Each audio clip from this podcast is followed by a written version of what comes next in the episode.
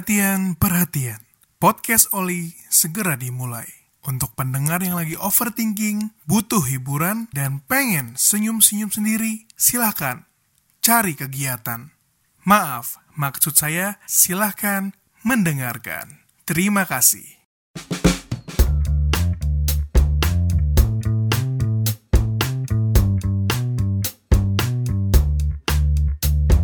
Halo semuanya, selamat datang di podcast Oli, obrolan laki-laki yang bergenre setengah komedi. Masih dengan gue Jordan yang sekarang sendirian. Pertama-tama gue pengen bilang terima kasih banyak buat seluruh pendengar podcast Oli. Gue gak nyangka ternyata podcast Oli masih didengerin. Kemarin, podcast Oli masih bisa masuk peringkat 125 di kategori komedi. Terima kasih banyak sekali lagi atas supportnya buat podcast Oli. Gue gak nyangka dan seneng banget. Dan gimana kabar kalian minggu ini? Semoga dalam keadaan yang baik, sehat terus, dan semoga lo semua bahagia dan seneng dengan apa yang lagi lo jalanin. Dan buat yang lagi berantem sama pacarnya, gebetannya, simpenannya, uh, semoga cepet baikan dan masalahnya cepet selesai. Terus gue pengen nanya juga nih, gimana pendapat lo tentang episode pertama dari podcast Oli? Apakah kurang seru atau ngebosenin? Atau menurut lo ada yang harus ditingkatin lagi? Boleh banget infoin gue langsung ke Instagram at podcast.oli atau bisa ditulis langsung di Spotify. Karena feedback dari lo semua berarti banget buat gue supaya bisa lebih baik lagi. Oke, minggu ini gue punya dua berita atau informasi yang bikin gue bilang, ya elah. Nah, berita yang pertama itu adalah dari CNBC Indonesia. Waspada guys, ada 19 orang wafat akibat COVID di RI hari ini tanggal 20 Oktober 2022. Kalau lo semua baca berita ini, lo bakal ngapain? Kalau dulu kan langsung ketakutan, langsung berdoa gitu kan, supaya dijauhkan dari COVID. Kalau sekarang, lo gimana? Apakah makin takut atau makin bodoh amat? Huh. Kalau gue setelah baca berita itu ya, gue baca lagi kan berita lain. Terus ada berita yang bilang bahwa produksi vaksin harus digenjot lagi. Ya elah. Lo semua tahu dong apa yang dipikiran gue. Cuan, cuan, cuan, cuan, cuan. Bukan dong, pikiran gue tuh gak kayak gitu. Pikiran gue tuh, ayo kita koleksi vaksin. Ya, udah satu, dua, tiga ditambah lagi. Nggak habis-habis dah gue diencus. Tapi kalau menurut lo, tiga kali vaksin udah cukup gak sih? Atau emang kita harus vaksin terus karena virus bisa berevolusi setiap saat? Langsung DM aja ya pendapat lo tentang hal ini. Oke, yang kedua, gue baca ini dari Vocative. Hampir 70% air minum di Indonesia tercemar tinja, kata UNICEF. Nah, kalau berita kayak gini, lu tahu dong apa yang harus dilihat? Ya, betul, komennya. Komennya lucu banget. Ada yang bilang,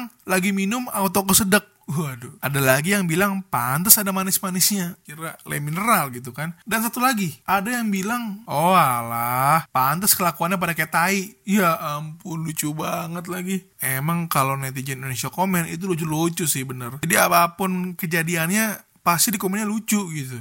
Tapi menurut lo berita-berita kayak gini dikeluarin emang murni pengen kasih informasi atau ujungnya ada campaign sama brand? Ya elah. Soalnya sekarang cara promosi di sosial media rata-rata gitu ya. Bikin perbincangan atau konflik sesama netizen di sebuah sosial media, baru abis itu brandnya masuk. Template konsepnya tuh kurang lebih gini tidak mau menjadi mau. Contohnya gini nih, tidak mau kan imun anakmu terganggu karena air minum yang kotor? Makanya, minum hahuha langsung dari mata air pegunungan. Hahuha kebaikan berawal dari sini. Ya elah, ujung-ujungnya brand. Tapi itu sah-sah aja sih, gak apa-apa. Kan tujuannya mengundang traffic atau banyak komen biar rame dan iklannya banyak yang lihat. Nah, kalau menurut lo gimana nih cara promosi brand-brand sekarang? Apakah semakin unpredictable atau semakin kebaca cara promosinya? Kalau bahasa netizennya tuh, ah ini mah paling S3 marketing gitu. Langsung aja DM pendapat lo ke Instagram podcast Oli di @podcast.oli. Oke, itu aja untuk cerita minggu ini. Gue nungguin banget kalau ada cerita atau keresahan dari kalian, sekali lagi langsung aja mention ke @podcast.oli atau @jordankvs dan bakal gue bacain di episode selanjutnya. Kita lanjut ke topik utama kita yaitu love language. Untuk topik kali ini spesial karena di request oleh pendengar podcast Oli yang bernama Tia. Terima kasih banyak Tia udah request topik dan akan langsung gue bahas sesaat lagi. Jadi siapin cemilannya, jangan ke mana-mana, share ke teman-temannya, dan tetap dengerin podcast Oli.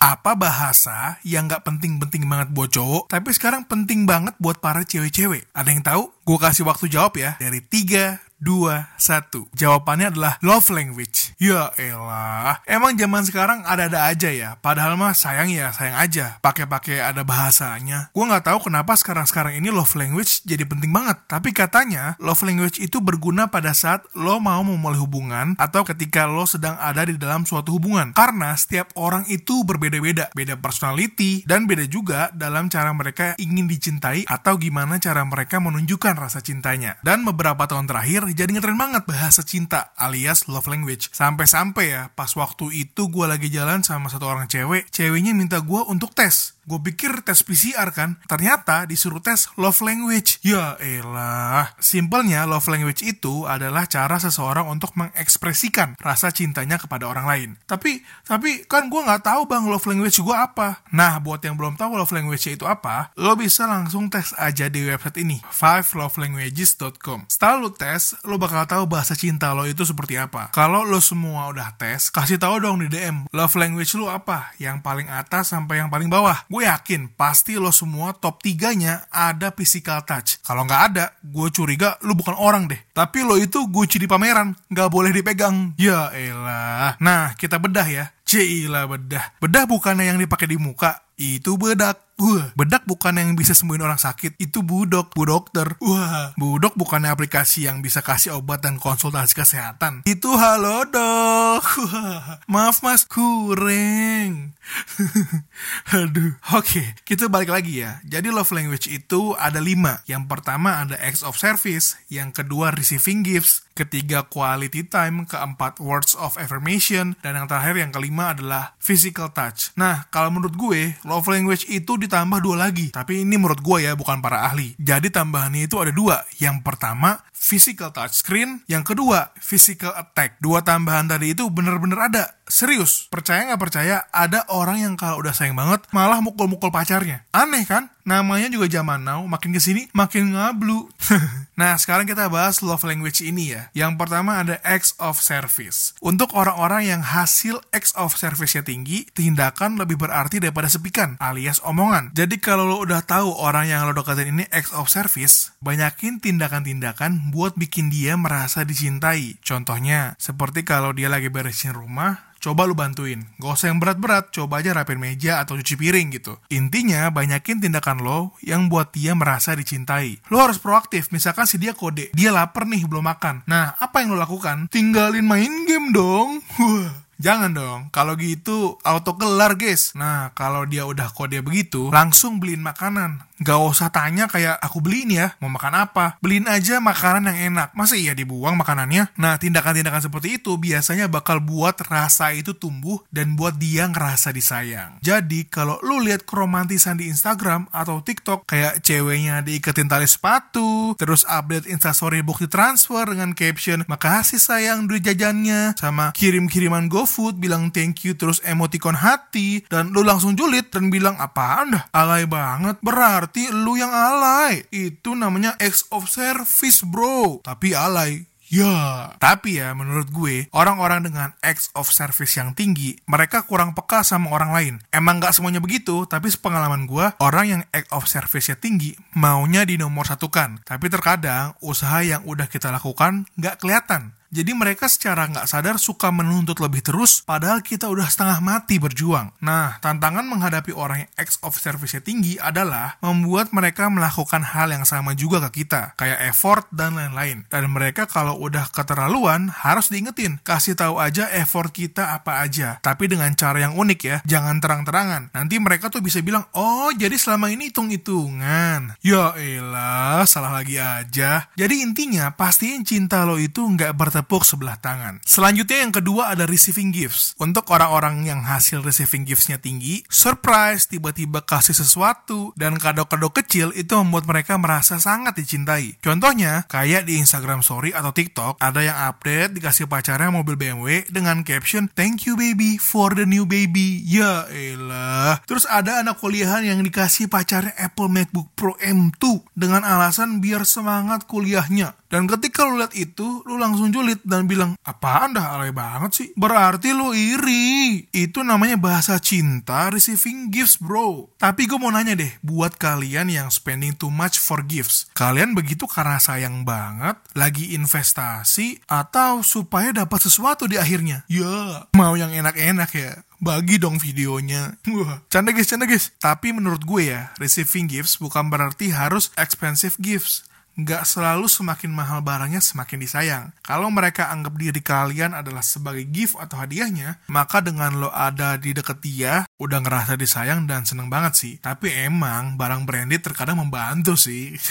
Challenge atau tantangan dengan orang yang hasil receiving gifts-nya tinggi adalah ketika lo sering ngasih kado, maka itu akan jadi kebiasaan. Karena kebiasaan menyebabkan rutinitas, lalu jadi kewajiban. Jadi kado atau hadiah dari lo nggak spesial lagi. Nggak kayak awal-awal gitu. Coba lu bandingin deh ekspresi dia saat lokasi hadiah pas sesuai momennya, sesekali tapi bermakna, sama ekspresi dia yang tiap hari lokasi kejutan atau hadiah. Gue yakin pasti beda. Karena saking seringnya lo ngasih, jadi biasa aja. Gak ada rasa deg-degannya. Kayak gak ada rasa, oh sweet banget sih gitu karena udah keseringan. Jadi saran gue, kasihlah sesuai dengan waktu atau momennya. Dan jangan pernah lu banding-bandingin. Kayak anjir gue udah kasih begitu banyak kalau dia ultah, tapi kok dia cuma ngasih gue kue jelek yang di TikTok. Ya elah. Kasihlah sesuai budget lo, nggak usah dipaksain. Kalau emang dia beneran suka sama lo, tai kucing bisa jadi coklat kok. Ya, gue punya cerita. Jadi waktu itu gue suka banget sama satu orang cewek. Kalau gue suka, gue pasti satu aja, nggak ke mana-mana, nggak sama yang lain juga gitu. Gue pasti all in, kasih yang terbaik. Ada satu waktu ketika gue ngasih sesuatu, terus ceweknya seneng gitu kan. Tapi di akhirnya dia bilang kayak gini, aku tahu kamu tuh baik dan nggak pelit jadi duitnya disimpan aja ya, ditabung aja duitnya buat nanti. Jangan beli-beliin yang mahal atau yang fancy, sayang duitnya. Tabung aja ya duitnya. Next aku yang traktir. Anjir bro, seketika itu gue langsung nyes gitu kayak anjir cewek planet mana nih? Wah ngaco. Ternyata masih ada di dunia yang kayak begini. Jujur kepala gue langsung gatel gitu. Berkaca-kaca mata gue apa langsung bayar sewa gedung aja ya buat nikah? Ya elah. Tapi akhirnya hubungan kita berdua selesai ya elah jadi intinya ketika lo ketemu orang yang receiving giftsnya tinggi nggak perlu paksain sesuatu yang mahal yang branded yang fancy cukup kasih sesuatu yang berkesan dan sesuai kemampuan. Selanjutnya yang ketiga ada quality time. Untuk orang-orang yang hasil quality time-nya tinggi, lo harus kasih perhatian yang tidak terbatas, alias peka. Bukan penjahat kelamin ya, tapi lebih peka lebih perasa. Lo harus bisa menganalisa dia sedang kenapa dan solusinya apa. Kayak misalkan nih, si dia sedang mens alias datang bulan. Apa yang lo lakukan? Ya betul, pura-pura mati. Solusi itu gue kasih tahu karena kita bakal ngedumel dan bilang, ya elah capek dah salah lagi aja. Makanya mending pura-pura mati dulu.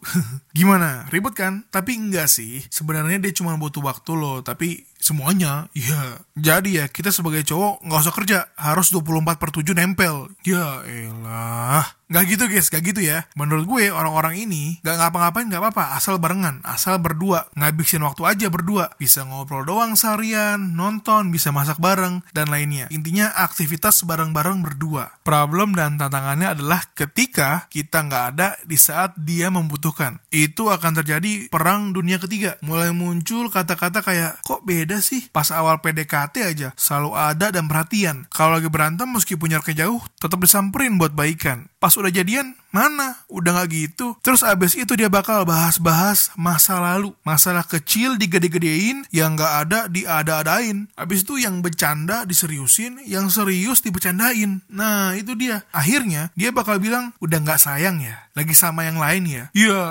ampun. Itu kita sebagai cowok mau jawab apa pun salah gitu. Jadi ya emang butuh pembelajaran dan penyesuaian. Tapi emang ada yang gak gitu. Ada yang udah ngerti. Ada yang udah biasa, tapi saking biasanya jadi nggak ada rasa alias ilfil. Ya ampun, kelar dah tuh hubungan. Jadi ya menurut gue, untuk orang yang quality time banget, sediain kuping, hati, waktu yang lebih banyak karena mereka butuh itu dan mereka akan merasa disayang. Tapi ketika lo nggak bisa ada di saat mereka butuh, kasih pengertian kenapa nggak bisa ada. Dan di akhir hari, tetap hubungin dia walaupun 10 menit gitu. Lo bisa update kehidupan dan cerita apa pun. Ingat nih ya guys, sesibuk-sibuknya lo, mau lo bilang gak ada waktu, gak sempet kerja numpuk, lo masih bisa curi-curi waktu ketika lo kebelet boker. Begitu juga dengan pasangan lo. Gua tahu kadang-kadang kehidupan ini begitu seru dan padat, jadi buat kita lupa waktu. Tapi kalau itu Arjan, lo pasti buat waktu buat ngelakuin itu. Contohnya, Raffi Ahmad aja masih ada waktu buat main sama Cipung. Ya kali lo gak ada waktu. Jadi ya kalau lo ngeliat di Instagram, Instastory atau TikTok, ada pasangan yang lagi makan citato depan bioskop, terus diupdate di Instagram. Ada yang ngedate dengan uang 100 ribu, terus diupload. Terus ada juga pasangan yang makan warteg, berdua aja diupload. Dan ketika lu lihat itu lu ngomel dan ngedumel, bilang, apa anda? Alay. Itu bukan alay bro, itu quality time. Lo aja yang jomblo kelamaan. Ya elah. Selanjutnya yang keempat ada words of affirmation. Untuk orang-orang yang hasil words of affirmationnya tinggi, apa yang dia dengar adalah kuncinya. Contohnya kayak, ya ampun cantik banget sih pacar aku. Terus, I'm so proud of you, I know you're the best. Lalu bilang love you di setiap akhir telepon. Dan kalimat-kalimat lainnya yang membuat dia merasa diakui dan disayang. Kalian pasti lebih jago lah untuk kalimat-kalimat kalimat ini. Gue punya pengalaman. Waktu itu, gue mau pergi sama pacar gue. Terus pas dia keluar, kan dia lucu gitu kan, pakai kemeja putih, celana jeans, sama flat shoes biru gitu. Terus keluar senyum-senyum, lucu kan? Abis itu gue bilang ke cewek gue, sayang cantik banget sih. Terus dia malu-malu gitu, terus dia bilang, halah basi. Ya elah, gue lupa. Ternyata semalam abis berantem. Makanya dia bilang basi. Tapi lu gitu juga gak sih? Malamnya berantem, besoknya udah balik lagi senyum-senyum. Dan berantem yang kemarin itu dijadiin bercandaan. Apa gue doang ya? Hmm, tapi sebenarnya ya mereka tuh senang lagi digituin, percaya deh sama gue. Nah, challenge-nya adalah buat orang-orang yang words of affirmation-nya tinggi, harus hati-hati sama cewek atau cowok modus yang berkedok tulus. Mereka jago banget dalam kata-kata yang bikin lo GR gitu. Tapi actionnya kagak ada. Istilahnya speak aja dulu. Kayak, kamu lapar ya? Makan dong, nanti sakit. Aku sedih kalau kamu nggak makan, pakai emot sedih gitu kan. Terus belakangnya ada hu hu hu. Abis itu biasanya mereka minta video call supaya lu makan. Tapi ujungnya nggak dia beli makanan. Ya elah, itu mah namanya omdo guys. Makanya kita harus ngeliat juga apa yang dilakuin. Bukan kata-kata yang enak didengar di kuping doang. Kalau mau enak di kuping doang mah, mending dengerin motivator. Kuping lu kenyang, perut lu kosong. Ya...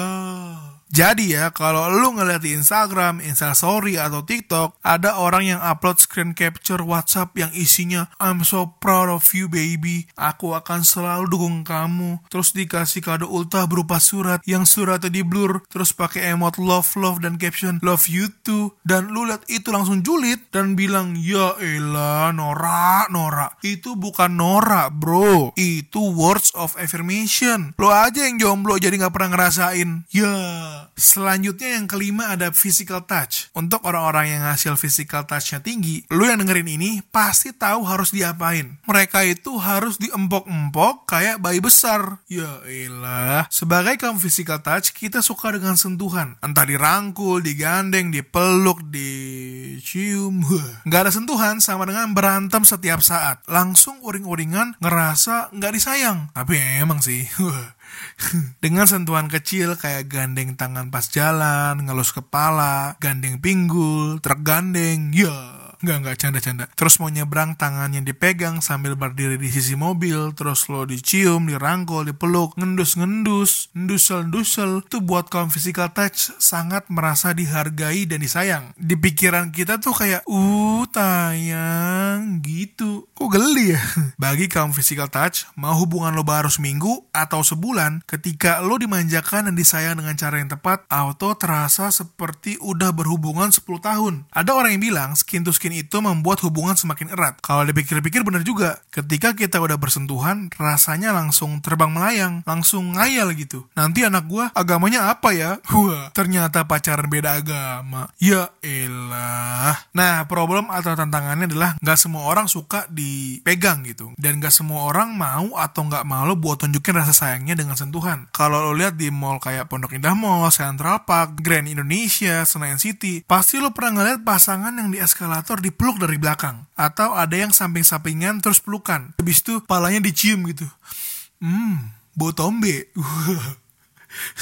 Dan di belakangnya biasanya ada pasangan juga tuh, yang pas kejadian paling dicium, terus lihat-lihatan sambil tahan ketawa. Habis itu toel-toelan. Itu ya, kodenya ada dua arti. Kalau cowoknya yang toel-toel duluan, maksud kodenya adalah, tuh yang, jangan kayak gitu, malu, diliatin orang. Kalau ceweknya yang toel-toel duluan, maksud dari kode itu adalah, tuh dia aja berani cium-cium depan umum, masa kamu malu? biasa aja kali. Kita kan pacaran, udah gak sayang ya sama aku. Dan setelah kejadian itu, biasanya langsung berantem karena masalah orang lain yang cium-cium di depan umum. Ya, seperti biasa guys, cewek itu emang suka berantem karena hal kecil yang digede-gedein. Cowok dong, udah salah, tapi lebih galak. Ya elah. Jadi, kalau lu lihat di Instagram atau Instastory atau TikTok, ada yang upload foto ciuman di villa, lalu maskeran di kamar berdua, foto surprise ulang tahun di hotel sambil dirangkul, tapi tangan cowoknya ke bawah pinggang, terus foto berenang berdua sambil lihat-lihatan pegang leher di villa dengan tulisan I love you, dan lo lihat itu langsung julid dan bilang apaan dah, nanti juga putus alay. Itu itu bukan alay bro. Itu namanya physical touch. Lo nya aja pacaran sama barang antik. Gak boleh disentuh. Ya elah tapi kalau lo cewek dan physical touch lo tinggi, lo harus hati-hati juga. Karena takutnya ada orang yang pengen ngedeketin lo atau pengen pacaran sama lo. Gara-gara lo keibuan banget alias suka menyusui. Wah. Nggak, nggak, nggak. Bercanda guys, bercanda. Maksudnya lo penyayang kayak seorang ibu gitu.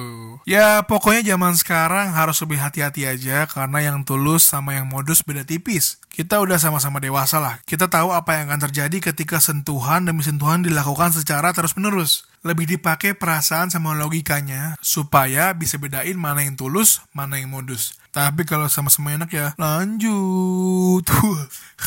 Guys, bercanda-bercanda. Gak boleh ya, dosa-dosa tapi enak. Iya. Oke, kita lanjut love language tambahan dari gue. Ada physical touchscreen. Bahasa cinta ini biasa ada pada pejuang LDR. Jadi untuk para LDR yang beda waktu, jarak yang jauh, dan dibutuhkan rasa percaya yang sangat tinggi, physical touchscreen adalah bahasa cintanya. Untuk pasangan yang beda negara kayak Jakarta Utara Bekasi, eh bukan, maksudnya Jakarta London, itu beda jamnya aja 6 jam. Kalau di London jam 8 pagi, di Jakarta jam 2 siang. Jadi mereka baru bangun, kita udah makan siang. Itu dibutuhkan komitmen, kepercayaan, dan komunikasi level dewa. Satu orang tiba-tiba nggak bisa video call atau sibuk aja. Atau bisa buat pikiran kacau. Isi pikirannya tuh aneh-aneh gitu, dibuat-buat sendiri. Tapi sekali lagi nggak semuanya begitu ya. Ada yang udah saling ngerti dan percaya banget. Meskipun keduanya saling sibuk, kalau udah saling percaya satu sama lain, ya percaya aja. Paling ya nakal dikit, tapi nggak bilang. Ya elah. Kalau gue pribadi, gue gak percaya dan gak bisa LDR. Soalnya manusia itu kayak musim, suka berubah-berubah. Yang depan mata aja bisa berubah, apalagi yang jauh. Berarti lo gak percaya sama pasangan lo dong bang? Bukan gak percaya, tapi lebih ke nggak bisa jauh-jauh aja. Bukan berarti harus nempel terus ya, kayak ke mana-mana berdua. Tapi lebih ke pengen ngabisin waktu berdua aja, bukan ngabisin kuota. Iya. Tapi bukan berarti LDR itu nggak akan berhasil ya, cuman LDR gak cocok aja buat gue yang lebih suka ketemuan langsung.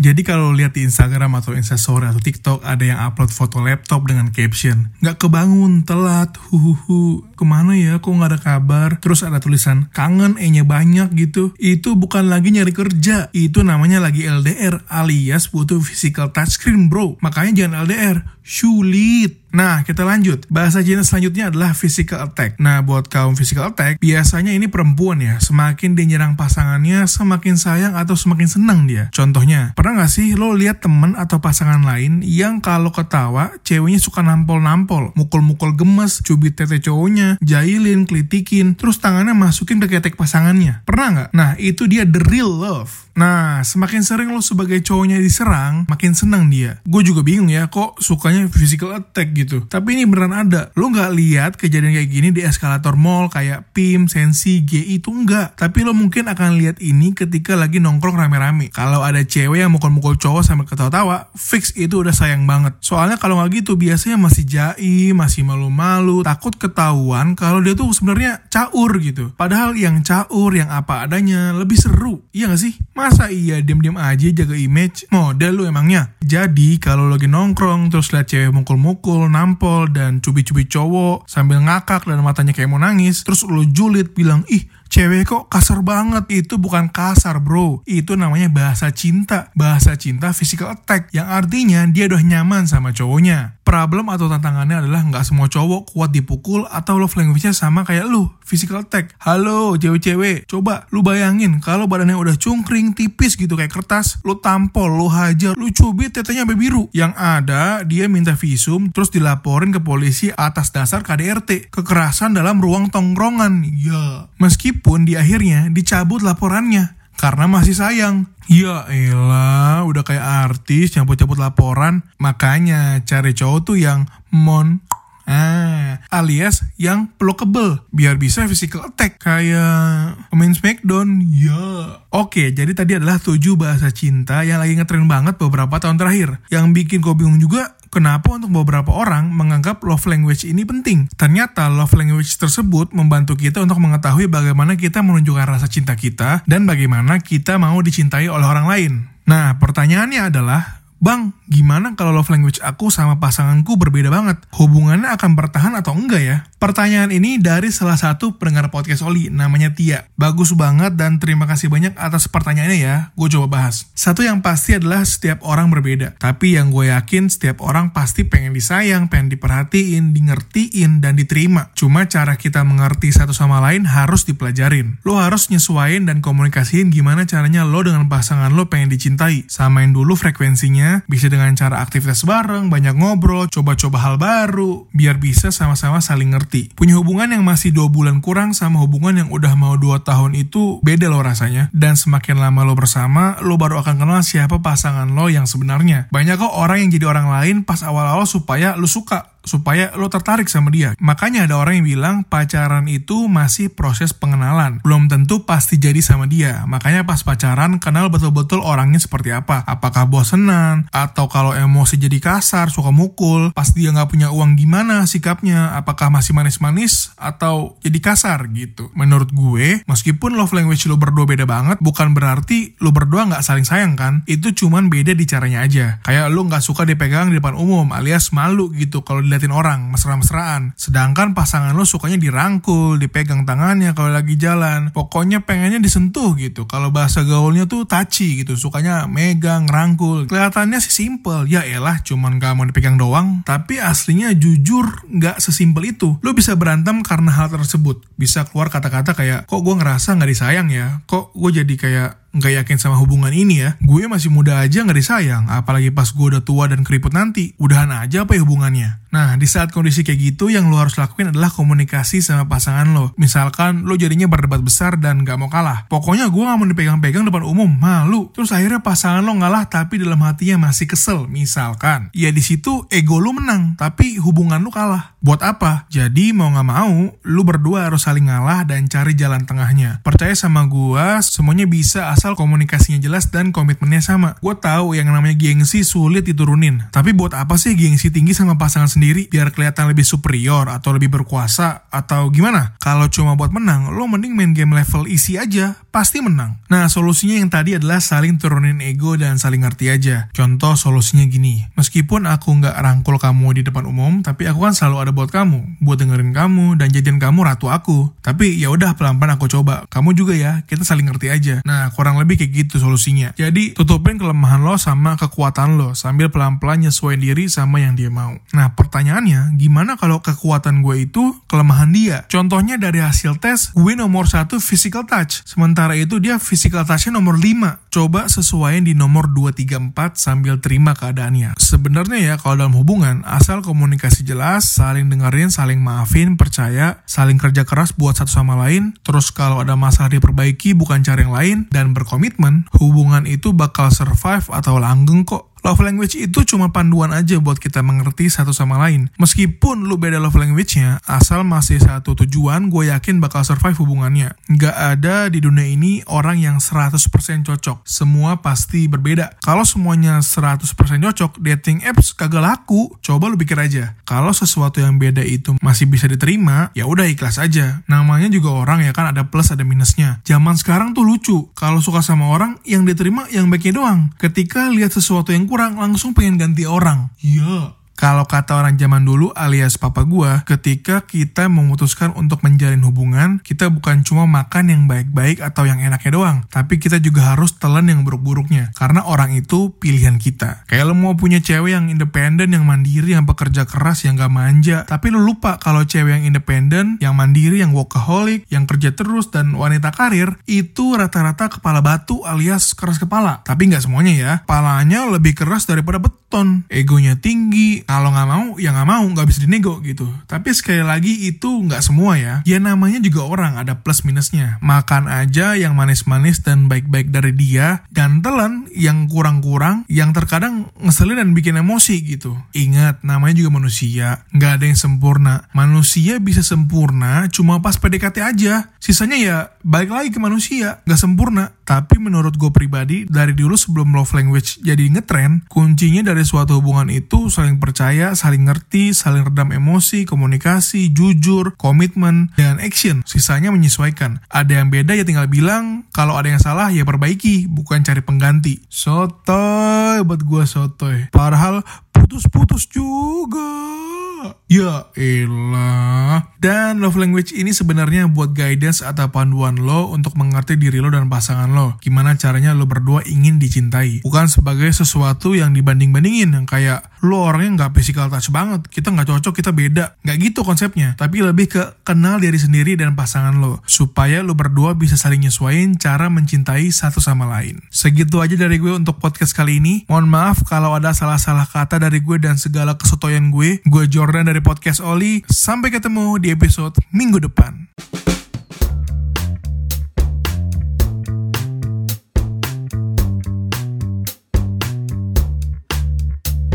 Halo semuanya, terima kasih banyak udah dengerin sampai habis. Ada tambahan dikit, season ini gue mungkin bakal sendirian terus podcastnya. Dan di season yang kedua, tema podcast Wali adalah Full of Love. Gue bakal banyak bahas tentang perasaan dan percintaan, tapi ala podcast Oli. Tidak sedih-sedih, tapi dengan setengah komedi. Jadi stay tune terus di podcast Oli setiap minggunya. Tanyain atau omelin aja kalau podcast Oli nggak upload tiap minggu, biar gue makin rajin uploadnya. Dan kalau ada yang mau ngasih saran, cerita, mau berpendapat, mau ngasih tebakan, mau ngirim salam ke mantannya, boleh banget langsung DM ke Instagram at podcast.oli atau at jordankvos. Dan gue akan bahas di episode selanjutnya kalau kalian mengizinkan. Sekali lagi jangan lupa di-share ke teman-temannya, siapa tahu mereka membutuhkan. Dan boleh banget di-follow, di-komen, dikasih rating podcast Oli di platform podcast atau sosial media kesayanganmu. Gue Jordan pamit, kalau nggak Oli, hmm, lemas.